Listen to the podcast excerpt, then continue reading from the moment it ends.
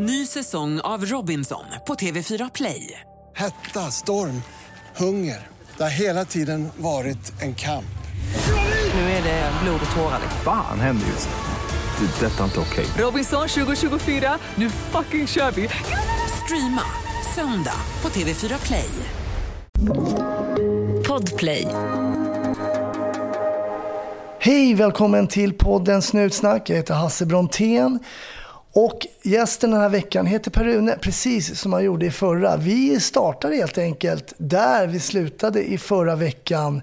Så håll till godo, hoppas du får en trevlig lyssning och var försiktig där ute. 1310 1070 kom. 1310 Odengatan kom. Ja, det är uppfattat. Vi tar det. Slut. Bra. Klart slut. Efter Bosnien, där, du hamnade i Göteborg va? Nej, ja, då flyttade vi ner till, eh, jag sökte, vi hade bestämt oss då för att innan eh, barnen i det här fallet skulle börja skolan så skulle vi ta oss ner till västkusten för min fru då var från Göteborg. Men då var det anställningsstopp för, på polisen i Göteborg. Och jag var nere i Bosnien och det var ganska kaotiskt då, och då dök det upp tjänster i, i Halland. Okej. Så då fick man välja. Jag också hysteriskt flög hem. Vi tog en bil, började köra från Göteborg, svängde in i Kungsbacka. Får man välja Kungsbacka, Varberg eller Falkenberg? Svängde in i Kungsbacka. Nej, och så vidare. Inget fel på Kungsbacka då, men det, det, hamnade i Varberg. Och då insåg jag att jag hin, vi hinner inte ner till Falkenberg, för jag var tvungen att flyga igen. Så då sa vi att det får bli Varberg. Och det, det, så jag började jobba då i Varberg 98. Och eh, också en helt ny erfarenhet. Ja. Eh, verkligen. Och, och eh, En fin stad. jättefint. Fin Jag kuststad, bodde, liksom. jag har bott där i 20, över 20 år. Ja. Men nu bor jag i Göteborg. Men, men, men eh, nej, det var fantastiskt. Och jag har bara goda minnen kvar. Var polisen i Varberg. Det var också väldigt väldigt bra gäng, väldigt roligt att jobba där. Ja. Sen var jag inte, jag hade lång tid och jag brukar säga så här, det var en kommun, men det är samtidigt första gången jag har känt mig otrygg som polis. Det var när jag började jobba i Halland. Alltså, För vi var så få. Att det var ju liksom en bil i, i Varberg, en bil i Falkenberg och en, två i alltså, Halmstad man gör kanske. ingen bra jobb då heller om man är otrygg liksom, på jobbet. Det där var det väldigt långt mellan. Så mer otrygg där, man kan ju tänka sig Norrland att det skulle vara så. Ja, men det då var vi fortfarande ett turlag. Här var det ju så här, eh, ibland man kom, jag hoppas det- är annorlunda idag, men man kom ju till ett utsättningsrum i Varberg. Och så var det en sån här trampmina mitt på en sån här eh, högtalartelefon. Och så hörde man vakthavande i Halmstad som ”Hallå!” Och så fick man då, och, och var det ofta, var vi fler än två så fick den tredje åka då till ofta Falkenberg eller Kungsbacka. Okej, Stötta. då var man själv ensam patrull va?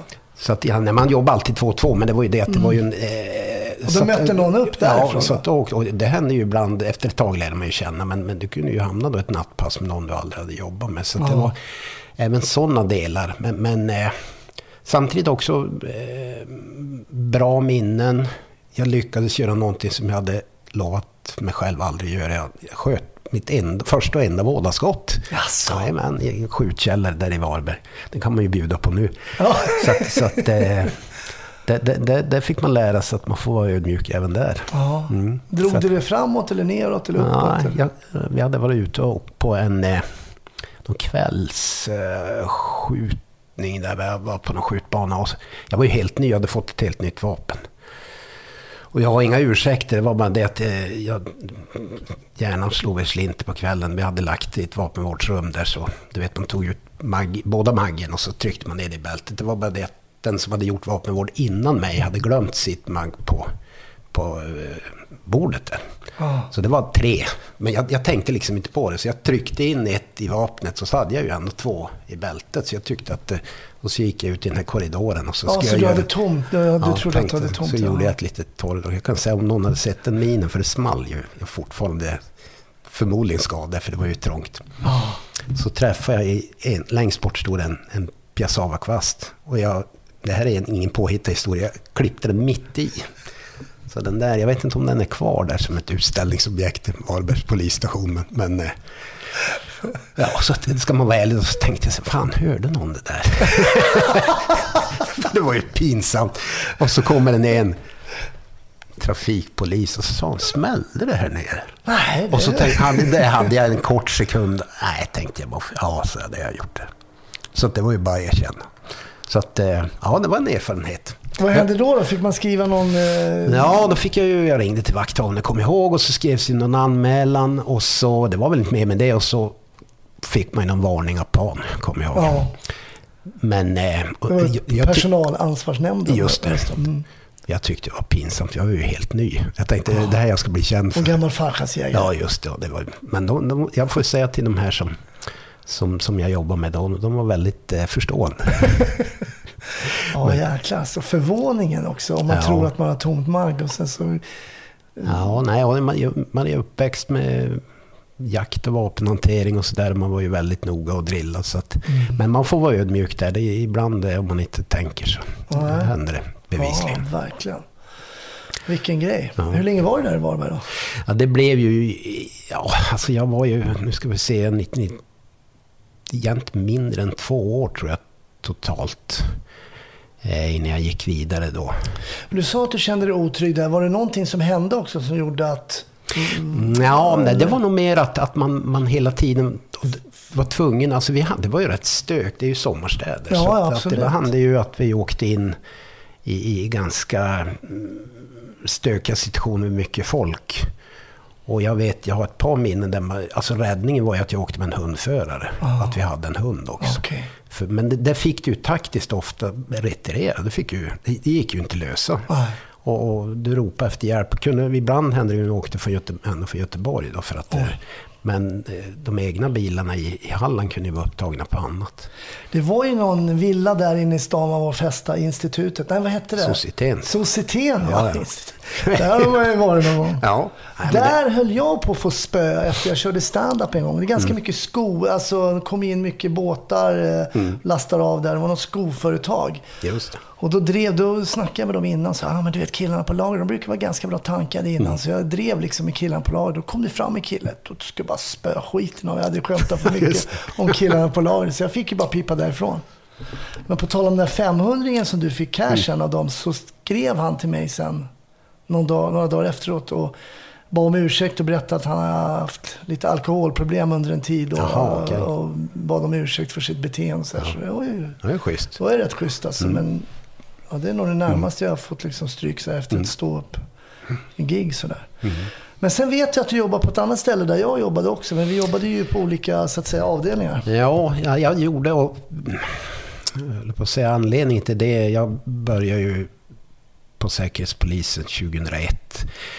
Och när jag Var, var, det ner- innan 9-11 eller efter? Ja, i första april började jag. Ja. Så det var ju precis innan de Göteborgskravallerna och den delen det som hände i, i, med allt vad det innebar. Men jag hade, det, det gick nämligen så långt när jag var nere i, i eh, Halland. Det kan man ju idag reflektera över att, att det inte då på grund av annat, men jag hade nästan börjat fundera på att byta jobb. Okej. För att jag fick så fantastiskt svårt, eh, om jag välja, att sova. Jaha. Efter nätterna. Det där treskiftet höll på att ta knäcken på mig Ja, helt. Eh, jag slutade kunna sova helt efter nätterna nästan. Oh, wow. Jag hade jobbat med en fantastisk hundförare som heter Mats. Och han satte ord på det där när man kom hem. Somna lycklig och vakna som ett psykfall. För det var liksom somna åtta, vakna tio. Två timmar. Och kroppen bara skrek. Men det gick inte att sova en minut till. Och då, då var det ganska, det, fanns inte så mycket andra möjligheter där. Så att jag hade allvarligt börjat överväga. Och då, just där och då, eh, och en natt kommer jag ihåg, för att sätta eh, exakt ord, i Falkenberg på polisstationer. Så hade de ju, på den tiden var det ju sån här i pappersform. Ja, det hängde liksom. Ja, vad, vad det fanns för På tjänst, anslagstavlan liksom. tjänster att söka. Och då sökte eh, Säpo personal. Så att det jag skickade in, det var ju ingen... Men, men av outgrundliga anledningar så kom jag in där då till slut. Att både du och jag kom in på Ja, Säpo, ja, det, du- du förstår Det ju. säger lite om den myndigheten. Men eh, visste du då vilken, exakt vilken tjänst du sökte så att säga? Nej, ja, det, det var ju en sån här generell eh, handläggare eller kriminalinspektör. Ja. Så att, så att, eh, men jag kom ju att arbeta mycket med, eller på terrorsidan då. Ja. Och sen hände, ju 9-11 som sagt och då blev det ju ännu mer tryck på det. Ja. ja, det märkte man. Jag jobbade ju också på Säpo Mm. eh, det, året. Och, Ja, det blev ju verkligen Mm. eh, tryck. Men hur var den tiden då? Det är, självklart så får man inte berätta liksom vad man gjorde exakt och vilka man träffade och mötte och så här. Men hur skulle du säga den tiden var att komma då från det som man kallar för öppna sidan och så kommer Mm. man till Säkerhetspolisen. Eh, Fick du någon utbildning när du kom eller gick du rätt in i verksamheten? Ja, eller? nej men det var ju, det, det var ju en... eh, eh, Det var ju dagtid till. Kunde bli människa? Ja, just det. Kunde bli människa. Ja. Nej, men skämt åsido. Jo, nej, men det var det. Och det är ju en väldigt, eh, vad ska vi säga, om man pratar utbildning och kompetensutveckling så, så har ju, eh, var det en fantastisk miljö var ju. För det var väldigt mycket bra utbildning. Och, och eh, också samma sak, väldigt eh, ja, professionell miljö, eh, så att säga resursstark som man upplevde när man kom från, från den öppna sidan. Och, och, eh, och det var ju ingenting, det, det var ju... Du frågade ju i början om man hade någon sån här ambition eller vision. Och Visst hade jag tänkt i den riktningen, men det var ju lite då, åtminstone när man var ny, så tänkte man att det är ju dit hamn, där kommer vi aldrig att hamna. Nej, precis. Men, men eh, så på det sättet, jag hade ju, jag var ju, blev kvar tio år. Eh, och, och också vårdade de åren med, med ömhet. För det var väldigt mycket roliga, som man, jag tror när man landar in i, i livet och samlar på minnen och, och möten och miljöer. Så var det ju en väldigt, eh, en, en väldigt rolig tid. Ett poddtips från Podplay. I fallen jag aldrig glömmer djupdyker Hasse Aro i arbetet bakom några av Sveriges mest uppseendeväckande brottsutredningar. Går vi in med hemlig telefonavlyssning och, och då upplever vi att vi får en total förändring av hans beteende. Vad är det som händer nu? Vem är det som läcker? Och så säger han att jag är kriminell, jag har varit kriminell i hela mitt liv men att mörda ett barn, där går min gräns. Nya säsongen av Fallen jag aldrig glömmer på Podplay. För jag tänker då, vi, vi pratade då 2001, vi pratade 9-11 där. Eh, då tänker jag också att det blir eh, internationella utbyten. Ja, det är klart. eh, Det är ju ingen hemlighet. Det internationella samarbetet eh, ökade ju givetvis eh, efter 11 september. Och, och, och i den... Vad ska vi säga? Det, det är klart, det var ju en del i, i det man själv tyckte var intressant. Och, och, och som, som också var skilt från det man var van då. Ja. Så, att, så att det, det, det var ju definitivt ett mervärde. Hur var det att, ehm, att träffa till exempel poliser som jobbade med, alltså, på en underrättelsetjänst eh, från ett annat land? Ehm, hur var de mötena så att säga? Kom ni, var ni snabbt på samma nivå eller hur skulle du säga att det var? Jo, men jag tror det är generellt som för poliser i internationella sammanhang, eller om du kommer från den typen av skrån, så är det man hittar varandra väldigt, väldigt fort. För man pratar ju lite samma språk. Och, och det är en väldigt lättsam och otvungen eh, kommunikation. Så att, att eh, tvärt emot kanske vad man kan se en del filmer så är det inte så, det är inte så, det är inte så krångligt. Eh, Så att, så att eh, nej, men jag tyckte det där var en, eh, återigen, det var en väldigt lärorik tid. Om man tittar på sin egen personliga utveckling. ja. Så att, att eh, mm, och i den tid vi lever i nu med, med, med allt som händer i vår omvärld och, och, och i den verksamheten så, så tror jag de har en, en väldigt eh, intressant miljö att verka i. Nej, för det som då 2001 kändes, måste man ändå säga, trots eh, det brutala i det som hände, liksom, så kändes det väldigt fjärran på något sätt. Eh, Det var liksom over there på något sätt och nu har ju det här kommit liksom oss nästan på skinnet. Nu har ju Säkerhetspolisen, just idag när vi pratar, det är ju mm, augusti 2023, så har man ju gått upp i liksom terrornivå 4 kallar man det för. Liksom. Även om vi, eh, Svennebanan eller inte riktigt fattar de här nivåskillnaderna riktigt. Och vad man ska göra och säger att vi ska vara vaksamma så här. Men man tycker att kanske skulle kunna prestera någonting mer än att ta ur hörlurarna liksom vad vi ska vara vaksamma över. Men, men det är ju mm, det är något för de som jobbar där nu och idag. Men de har ju definitivt fått det mer in på skinnet idag. Jag tror det, det är utmaning med kommunikation här för att om du sitter, om du sitter eh, i, i, den typen av verksamhet med information som, som motiverar den här typen, men det är ingenting du kan eller får delge eh, i övrigt Nej. av olika skäl. Men, men det kan ju också vara en, en, en så att jag eh, avundas inte de som ska göra den där Nej. eh, avvägningen och bedömningen. För att eh, man kan förstå att folk då tycker att ja, men ni ser å ena sidan att vi ska vara försiktiga men samtidigt finns ingen anledning att oroa sig. Nej, att, eh, men, det är men, men det är svårt att göra det på något annat sätt Ja. tror jag. Och, och just de här asymmetriska hoten som terror är, det, det är ju, och särskilt som det har blivit på senare tid med mycket av de här ensamagerande, Ja. så är det ju extremt svårt att, Ja, att förutse. väldigt, väldigt svårt. Så att, eh, nej, de gör ett fantastiskt bra jobb och det tror jag nog i och med att det är en hemlig verksamhet, de som är i den typen. Det, det är ju o, lite otacksamt på det sättet. För när du, när du gör någonting eh, så, kan, så får du inte berätta det. Eller Nej. ingen som vet om det. Nej, det var ju som hon säger på chefen skulle sommarprata, jag tänkte det behöver jag inte lyssna på.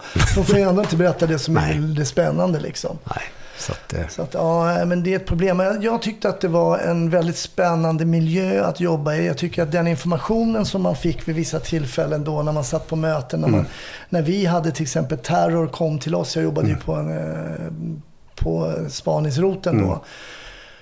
Så tänkte man när man satt där att liksom, fasen det är ingen annan alltså. Det här, tänk om folk visste liksom. Och det, på något sätt så finns det ju någonting ganska häftigt just att veta att det här är väldigt, väldigt unik information. Sen vart vi grillade, jag vet inte hur det var för er som eh, var med när du fick din anställning, men jag blev ju grillad av de äldre gentleman som kom in där och berättade att vet, Säpo aldrig haft någon läcka någonsin och de tittade en djupt i ögonen liksom och tänkte, vad fan tror du jag blir nästa? Eller Ja, just det, just det. Ja. Men eh, Säpo har ganska gott rykte, sägs det runt om i världen, för trots det lilla landet vi är, liksom, att vi har en god underrättelseverksamhet. Jo, men det har man, Sverige har ju traditionellt och över tid och speciellt när det gäller på kontraspionaget, på den sidan har man ju varit väldigt duktig och kompetent. Och man hade ju en, en eh, sen, kom sen skiftade fokus ibland. Och man, det är ju så med en del kompetenser, de, de måste ju hålla över tid. Men, men eh, det har man ju alltid haft. Men det, det gäller generellt för Norden. Vi är ju ofta duktiga tror jag på att, att eh, vi vänder blicken åt andra håll och tycker att de måste vara mycket, mycket bättre än oss. Men, men så är det ju ofta inte. Utan eh, vi är väl så bra rustade så långt det går. Vad skulle du säga var det, det roligaste eller mest intressanta just med din tid på, hos Säkerhetspolisen? Ja, i och med att man kan ju in på detaljer så tror jag om man säger generellt så var det möt, alla de möten man fick så att säga både med eh, kollegor av olika karaktär och bakgrunder men även de personer som man då så att säga på, på motståndarsidan som man mötte. Det, det var ju ett, ett, ett lärande i sig. Att, att eh, eh, ja, både få, ja, man fick ju verkligen anstränga sig och ta sig utanför sin egen traditionella... Jag menar, jag kommer ju från en liten kommun i Norrbotten. Det, det säger sig självt att det var, det var ett annat... Ett annat eh, andra, andra typer av möten om man säger så. Ja, så att, och, det, och det tyckte jag var väldigt eh, både roligt och lärande. Och så märker man någonstans att trots allt är vi människor allihop. Så att hittar man rätt, eh, rätt eh, nivå på kommunikation så går ju faktiskt de flesta att prata med. Inte alla, men Nej, precis. Det finns alltid undantag. Så. Mm. Jag kommer ihåg, jag var ju lite less på att liksom just det här, för i, i långa ärenden, om man jobbar på en spaningsrotor oavsett var man jobbar egentligen och det blir långa ärenden och så här. Mm. Så för mig blev det alldeles för asocialt. Jag ville liksom interagera mer med människor. Så jag sökte, allt ska ju låta lite coolare på Säpo. Man är Mm. ju liksom inte utredare utan man är bearbetare och man har inte tipsare utan man har källor. Det är liksom allting ska ha något annat namn. Jag tror det hette på den tiden att det hette källdrivare, kan det ha hetat någonting. Så jag sökte någon tjänst då, för jag hade ju mycket tipsare när jag var nere på Plattan och på gatorna i och så här. Så jag tänkte, det här skulle ju passa mig som handen i handsken. Men de gjorde ju en ruggig felrekrytering där. Alltså, det, blev ju, det blev ju inte jag om man säger så. Men jag var verkligen övertygad. Och än idag kan jag säga så här. Om, om man liksom, man, man ska inte vara självgod och man kanske ska låta förmätet. Men man vet ju ibland lite en styrka liksom. Att min styrka har inte varit att göra eh, armhävningar eller vara starkast. Det har ju varit att vi har haft bra munläder och varit intresserade av folk. Det hade varit en kul tjänst. Men det blev aldrig något. där. Men då så blev det något annat ställe. Så är det. Precis. Mm. Men varför slutade du där då? Nej, men det var ju också en sån där brytpunkt i livet. Jag var framme vid...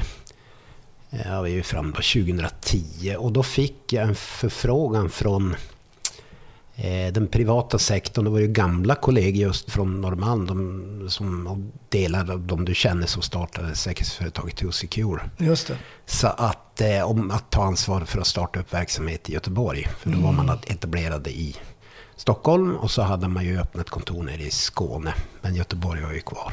Och då var jag så där, det var ju något helt nytt för mig som jag aldrig hade reflekterat över. Men, men jag var uppe och träffade det här gänget och som, som ja, delar hade jag ju jobbat med i A-turen också. Och det var ju ett fantastiskt duktigt och professionellt gäng. Och, och en väldigt härlig eh, miljö. Mm. Eh, och, och, ja, men de hade en, en intressant modell för hur man skulle jobba med säkerhets på den tiden var det ju mest med traditionella säkerhetsföretagen. Mm. Men man kom ju verkligen med något nytt när man jobbade på To-Secure. Och, och... För det var ju mer kanske personskydd eh, då? Ja, men man, ja, man, man började ju mycket med eh, familjer och, och den Mm. typ som hade en förhöjd exponering av olika skäl. Eh, och sen jobbar man ju med företag mycket och sen har det ju växt och växt och växt. Och där. Men, men eh, för mig var det ju en... en Ja, men det kändes motiverat. Jag var uppe på ett möte i Stockholm och det kändes när jag klev ut, här vill jag vara. Det Ja, kändes verkligen oj, som en familj. Och, och eh, sen hände en del i mitt privatliv. Jag skilde mig och då stod jag lite grann i och vacklade hur jag skulle... Eh, då gunga marken lite under mig. Men så kände jag att nej, men jag, jag, då, tryggheten så jag var kvar nu. Mm.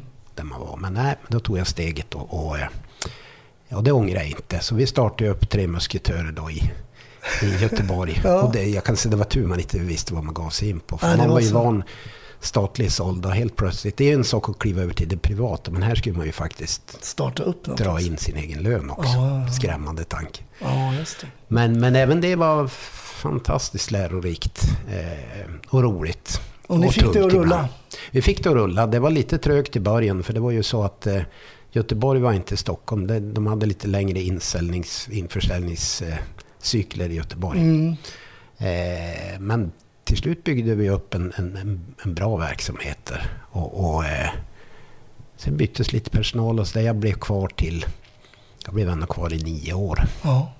Så att eh, också en sån där tid där man det var ju sista gången jag har jobbat med liknande kollektiv. För även om man lämnade polisen så var ju de som jobbade, de, de, många kom ju från NI och, Mm. och, Och nationella eh, ja, nationella insatsstyrkan. Och så var det ju även en del från militära gröna sidan och sådär. Så, men- så det var ju lite samma skrot och korn. Mm. Så att man, man var ju ett bra gäng även där. Man tänker på de här... äh, Alla de som jag kommer ihåg nu i huvudet var ju... De var ju duktiga och nästan stack ut lite på ett eller annat sätt redan Mm. som liksom uniformerade poliser. Med en del tänker man så ja, här, man, man såg ibland bara på längden på PM på vissa tänkte den där kommer ju bli chef eller någonting. För Ja, just det. så där långa PM skriver inte jag. Nej. Men eh, hade det funnits liksom någon möjlighet att behålla sådana här personer i myndigheter? För det tar ju stopp någonstans. För man märker det, för kreativa individer med visioner och lite entreprenörskap så liksom tar det stopp på något sätt. Och då kan inte myndigheten erbjuda någonting mer. Och då säger de bara hej och goodbye och så säger myndigheten bara hej och goodbye. Ja. Det är Ja, rätt, lite synd Ja, alltså. det är synd. Ja, Och det där tror jag är en av de... Idag när debatterna var det om, om polisens... Vad, eh, vad som är bra och mindre bra. Så, så det där har ju varit en återkommande eh, spaning man har gjort. Just det här att... Eh, när, när du kan vara väldigt värderad som medarbetare och så kommer du fram till en punkt och du börjar delge någon att nu, nu har jag tänkt något annat. Så är det ingen som försöker behålla det. Nej. Utan de säger, men lycka till. Ja, bara. Och, och jag, jag tänker mycket på det här vi pratar om FN-tjänster. Andra länder eh, som skickar poliser i det här fallet på FN-tjänst. Det var ju meriterande när de kom hem. Ja. I Sverige hade du bara varit borta. Ja, precis. Ja, men, Det kunde ha varit på vab eller ja, ja, precis. Det var liksom, vart har du varit? De, det enda de sa, du har bara tjänat en massa pengar. Det var liksom lite sådär. Så att, och det där tror jag, eh, om man nu skulle sitta och, och, och våga rådgöra någon, att försöka hitta en, en, en annan inställning där för Mm. att behålla duktiga människor. För man kommer ju i alla yrkesliv och polisen är ju inget undantag. Och tyvärr är det väl många idag unga poliser som slutar tidigt också. Ja. Av olika skäl. Men att man, man har liksom en, någon form av, av möjlighet att, att eh, om man nu har det drivet och, och, och förmågan att, att kunna vara kvar. Man ska Mm. inte behöva lämna Nej. för att, att eh, få utlopp för den typen av kreativitet. Nej, precis. Nej, det, där. det är intressant. Där finns det något att jobba på. Mm. Men då lämnar du där säkerhetsföretaget då? Ja, sen hade jag en, en eh, gick jag vidare därefter till en, ett, eh, och de som känner mig, de log väl när jag sa det, för det var i grunden ett stort eh, internationellt IT-företag. Och jag är ju väldigt analog då. eh, men jag startade upp en liten, väldigt liten egen affärsenhet då, som hade en, egentligen byggd en underrättelseplattform. Eh, och då hade jag ett par betydligt mer begåvade unga människor, lite hackertyper då, som jobbade med, med egentligen att identifiera hot och risker mot företag och verksamheter primärt då på nätets alla delar, men Okej. Darknet och Deep Web. Och, Okej. eh, så det blev jag och det var ju i samband med covid slog till så det var lite olyckligt när vi startade upp det där. Men också en fantastisk eh, eh, arbetsgivare som heter Nexe Group. Eh, som jag lärde mig jättemycket. Återigen, det var ju ny miljö, nya människor, nya kompetenser. Så även jag sög åt mig lite av den här IT-kompetensen. Jag lärde mig väldigt mycket förkortningar. Det kan jag svänga mig med. Men jag vet inte vad, de, vad, vad det innebär. Men, men förkortningarna kan Men förkortningar, alltså allmänt förkortningar eller sådana data? Ja, men det är mycket. Prata med de här eh, riktiga IT-säver. De, de, det är bara förkortningar. Det var ju när det kom Ja. så här LOL och sånt där man fick Ja. lära sig. Laughing out loud. Ja. Nej, så att, så att, eh, nej, men det och sen har jag nu skiftat en gång till då, så nu sitter jag på ett större medicinteknikbolag då som, som med ansvar för säkerhet. Ett poddtips från Podplay. I fallen jag aldrig glömmer djupdyker Hasse Aro i arbetet bakom några av Sveriges mest uppseendeväckande brottsutredningar. Går vi in med hemlig telefonavlyssning och, och då upplever vi att vi får en total förändring av hans beteende. Vad är det som händer nu? Vem är det som läcker? Och så säger han att jag är kriminell, jag har varit kriminell i hela mitt liv men att mörda ett barn, där går min gräns. Nya säsongen av Fallen jag aldrig glömmer på Podplay. Det här är ju givetvis en, en, en kort version av en, av en karriär som ännu inte är över vill jag ju tillägga. Då, och det är ju så att man kan se här att du har ju verkligen eh, eh, skiftat då. Det har varit liksom Skellefteå och Norrmalm och Säpo och säkerhetsbolag och allting. Och allt det här har ju mynnat ut eh, faktiskt i någonting riktigt spännande som jag eh, vill pusha för lite extra. Du skriver en deckare. Kan jag kalla det för deckare? Spänningsroman? Ja, just det. Ja, vad man sätter för titel på den där, eller rubrik på den där, det vet jag inte. Jo, nej men den... Som är riktigt bra. Ja. Hur- vad är det som händer här egentligen? Ja. Har du skrivit den själv? Jag har skrivit den själv. Jag lovar, ingen spökskrivare. Nej, jag har skrivit en historia. Det börjar ju jag har ju alltid läst mycket och Mm. framförallt de som känner mig. Du hade sen- med dig böcker också, kommer jag ihåg, på kommendering. Du hade en jävla bok Ja, jag började faktiskt skriva just i Skellefteå på nätterna. Ah. För att, jag, man ska vara ärlig, det var ju en del som, det hände kanske inte jättemycket vissa nattpass. Och då va- valde väl en del att vila lite grann. Men jag hade svårt med det så att, då började jag sitta och plita lite grann och skriva.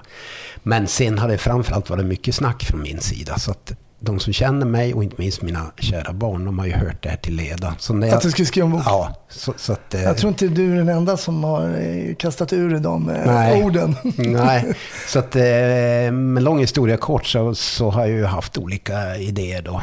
Och, jag tog faktiskt tjänstledigt för en fyra, fem år sedan. Mm. Tre månader. Av flera skäl, men jag tänkte ska jag passa på att skriva. Fick ihop ett manus som inte nådde riktigt ända fram. Jag fick ändå så pass mycket positiv feedback så att jag kände att jag ska göra ett försök till. Men jag menar, du, när du sätter dig ner och ska skriva, och vi har ju hört nu, eh, vi har lyssnat tillbaka, du har ju gjort väldigt mycket inom polisen, du har även jobbat då inom säkerhetspolisen och alla kontakter och, och saker man hör och får reda på där. Hur, den här boken som heter Syndaren och du som lyssnar nu, Per Rune är också eh, ditt författarnamn. Mitt pseudonym. Din pseudonym Sam- är alltså ditt riktiga namn. Ja. Ehm, när du, hur mycket är klart när du sätter dig ner liksom, och när du började liksom, ehm, skriva? Hur mycket var klart då, så att säga, i ditt huvud? Nej, inte mycket egentligen. Jag, jag utgick från en händelse. Det där är ju en bok som är någon hybrid mellan en traditionell Eh, ja, återigen, det är lite svårt att sätta en, en, en rubrik på, på genren där. Mm. Men det, det, handlar ju om en, en eh, börjar med en kvinnlig, ung kvinnlig åklagare i Göteborg som blir skjuten efter en gängrättegång. Mm. Och sen eh, har hon en far då som sitter och, och gömmer sig uppe i Norrland i, ett gammalt hus. Mm. Eh, som har en liten dynamisk bakgrund och rätt sliten. Det är bra, dynamisk ja. bakgrund ja, tycker jag. Det. Just, det, just det. Eller som min 86-åriga mamma sa när hon hade läst. Men Perun, är det dig? Du skriver om dig själv. Hon var lite orolig för han är lite nedkrökad i början. Nej, sa jag mamma, det, det är lugnt.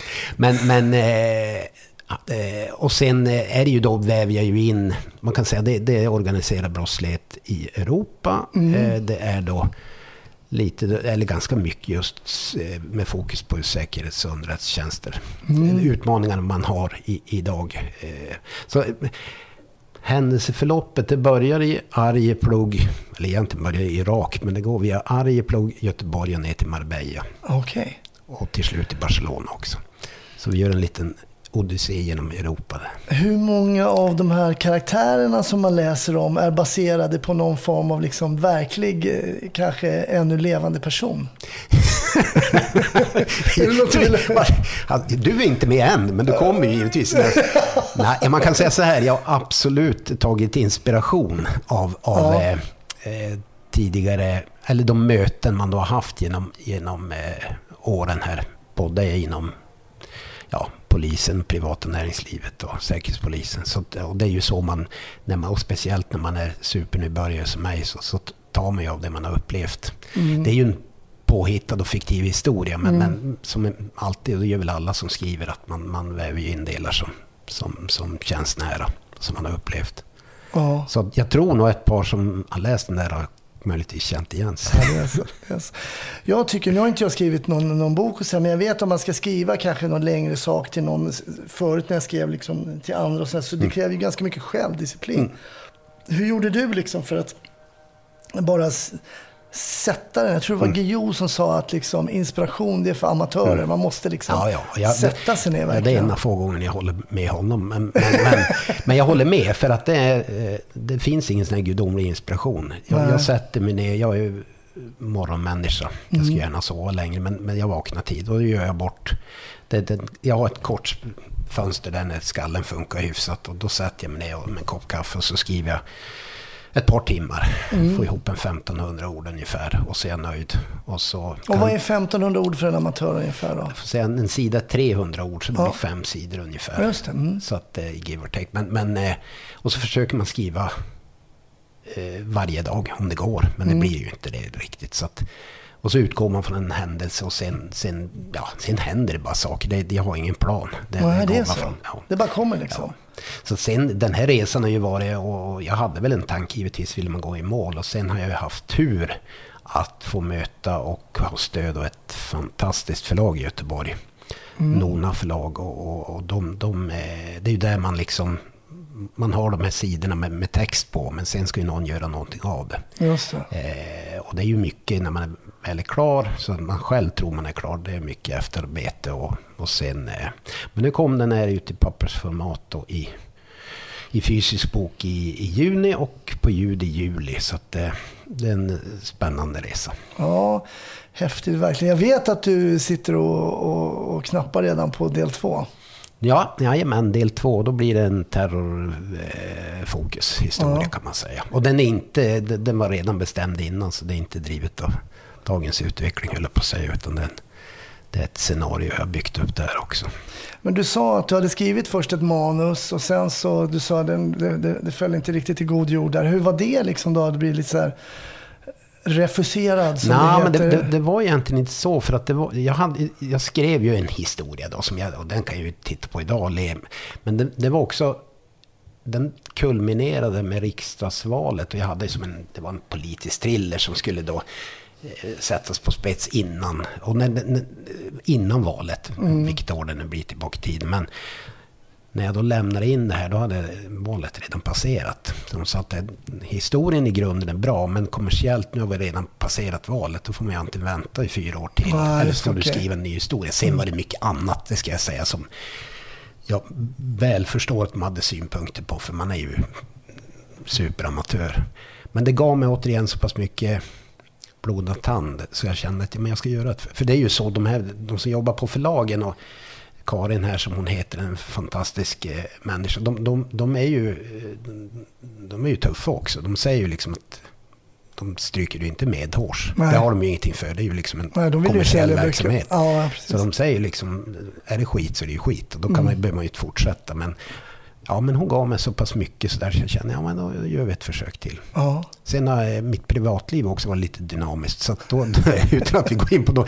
Men, men ingen dramatik dock. Men då hade jag en period när jag satt eh, i en sommarstuga mellan mm, och hade mycket tid kan vi säga. Och Mm. då kände jag att nej, nu ska jag, eh, nu ska jag göra verkstad av det här. Och då Mm. blev det syndaren. här. Kul. Jag rekommenderar givetvis eh, till eh, lyssnarna och om man är intresserad, eh, Per Rune, Syndaren, är det alla, man går in på nätet och kan beställa den? Den finns på, på alla sajter och, och lyssnar på, på ljudböcker så finns den på Storytel och Bookbeat och, och Nextory. Alla de här.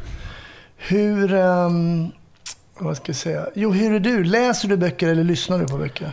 Jag läser Ja. fysisk bok. Jag är old school även där. Mm, ja men det är jag Ja. med.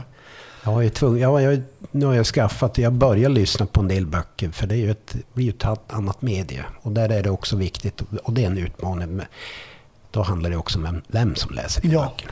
Ja, att men så Och man har ju vissa favoriter Mm. och sen har jag ju några som, ah, det Mm. går inte så bra där. Men det är lärorikt, så nu inför den här tvåan, då har man ju ändå lite mer på fötterna. Så att, eh, Ja, då, det är learning by doing vad man gör liksom. Men om du skulle, jag brukar alltid fråga mina gäster, eh, egentligen så har jag inte frågat om eh, ditt största polisminne egentligen. Som, alltså om du har något sånt minne som sticker ut. Och under alla år, är det någon, något, något du åkte iväg på som du liksom kommer ihåg? Nej, men egentligen kan jag säga så här, jag har nog ingenting sådär som riktigt sticker ut. Och, och det må låta tråkigt. Jag tycker egentligen mycket har stuckit ut Mm. i positiv mening. Eh, det har varit, i, nu kanske man är lite nostalgisk eller att man romantiserar vissa minnen eller Mm. förstärker vissa minnen. Men när vi har gått igenom den här tiden som både du och jag har varit både vid liv bevisligen och i verksamheten här. Så, så tänker man ju själv när man berättar om det och då är det ju, man skrapar ändå bara på ytan att Mm. det är nog generellt sett fantastiskt eh, förmånligt att få uppleva allt vad man har gjort. Mm. Så när någon frågar, det, som sagt nu har jag ju en son då som själv är polis, men, men när, när man andra frågar, skulle du rekommendera någon att, att söka till polisen? Så, så brukar jag säga absolut. För Mm. det är ett, ett yrke som, ja, om vi det är uppenbart att det är viktigt och för samhället och så där, men just som individ Mm. så är det ju en, en otroligt bra skola oaktat om du gör något annat sen. Ja. Men, men du har en, en väldigt bra plattform att stå på. Mm. Eh, så att jag, jag, jag har inget sånt där wow-minne direkt. Nej. Utan det, det, det är mer det här generella bra. En del kanske lämnar yrket och är lite bittra. Eller, ja, det kan vi ju, vet vi båda, vi har träffat den typen. Som. Mm. Men jag får säga att, eh, och, och gudarna ska veta, det var både ups and downs. Men ser man generellt så det varit en, en, en väldigt bra resa. Mm. Eh, Du har ju berättat nu att du har en son som är ute och jobbar som Mm. uniformerad polis, radiobil eller vad man kallar det nu för tiden. Eh, Hur är det då? Kan du vara orolig ibland? Med tanke på att det faktiskt är en ny miljö att jobba i.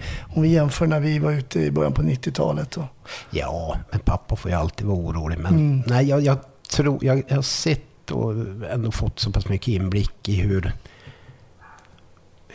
man, man jobbar ju väldigt, eh, som vi pratade lite om, professionellt idag. Sen går det ju aldrig att gardera sig mot eh, allt som kan hända. Nej. Eh, så att, man har ju inte så mycket för att oroa sig, men, men, men jag litar ju på att ja, även min grabb, men hans kollegor, de, de har varandras ryggar och de, de ser ju till att de jobbar på, på, på- det bästa sätt de kan. Mm. Och det är ju så med det här med polisyrket att allt kan ju hända. Så det, det är ju så.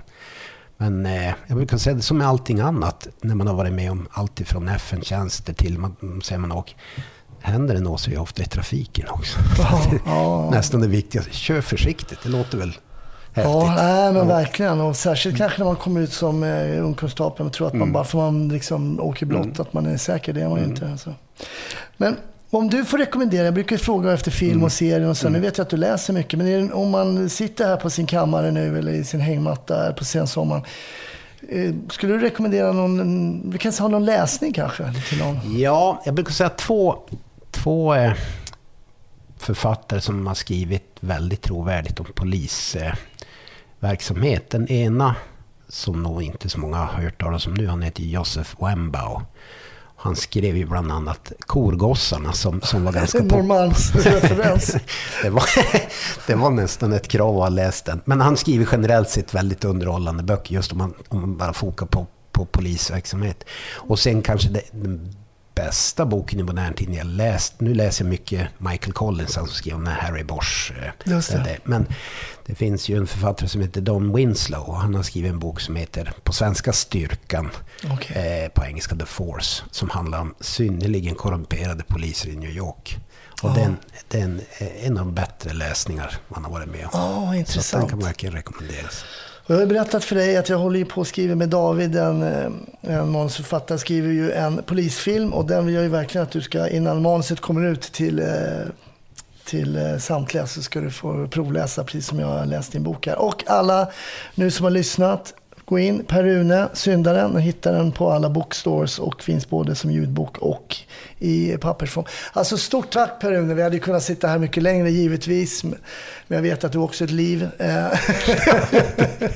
så, alltså stort tack, det har varit så kul och framförallt kul att träffa dig igen efter alla dessa år alltså. Det är jag som ska tacka Hasse. Det var det lilla. Tack.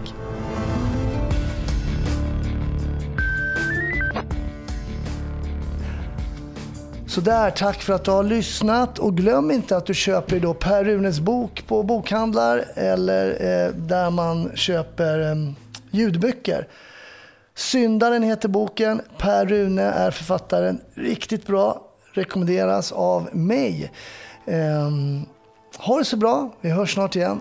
Hej då!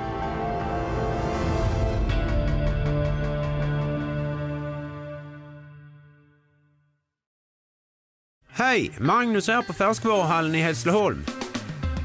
I vår frukt och grönt hittar du alla säsongens produkter. Fräscha och till överraskande bra priser. Hos oss kan du till exempel alltid köpa äpple från 9,90 kilot. Och hör du, om du inte har besökt oss på Färskvaruhallen, så gör det nu!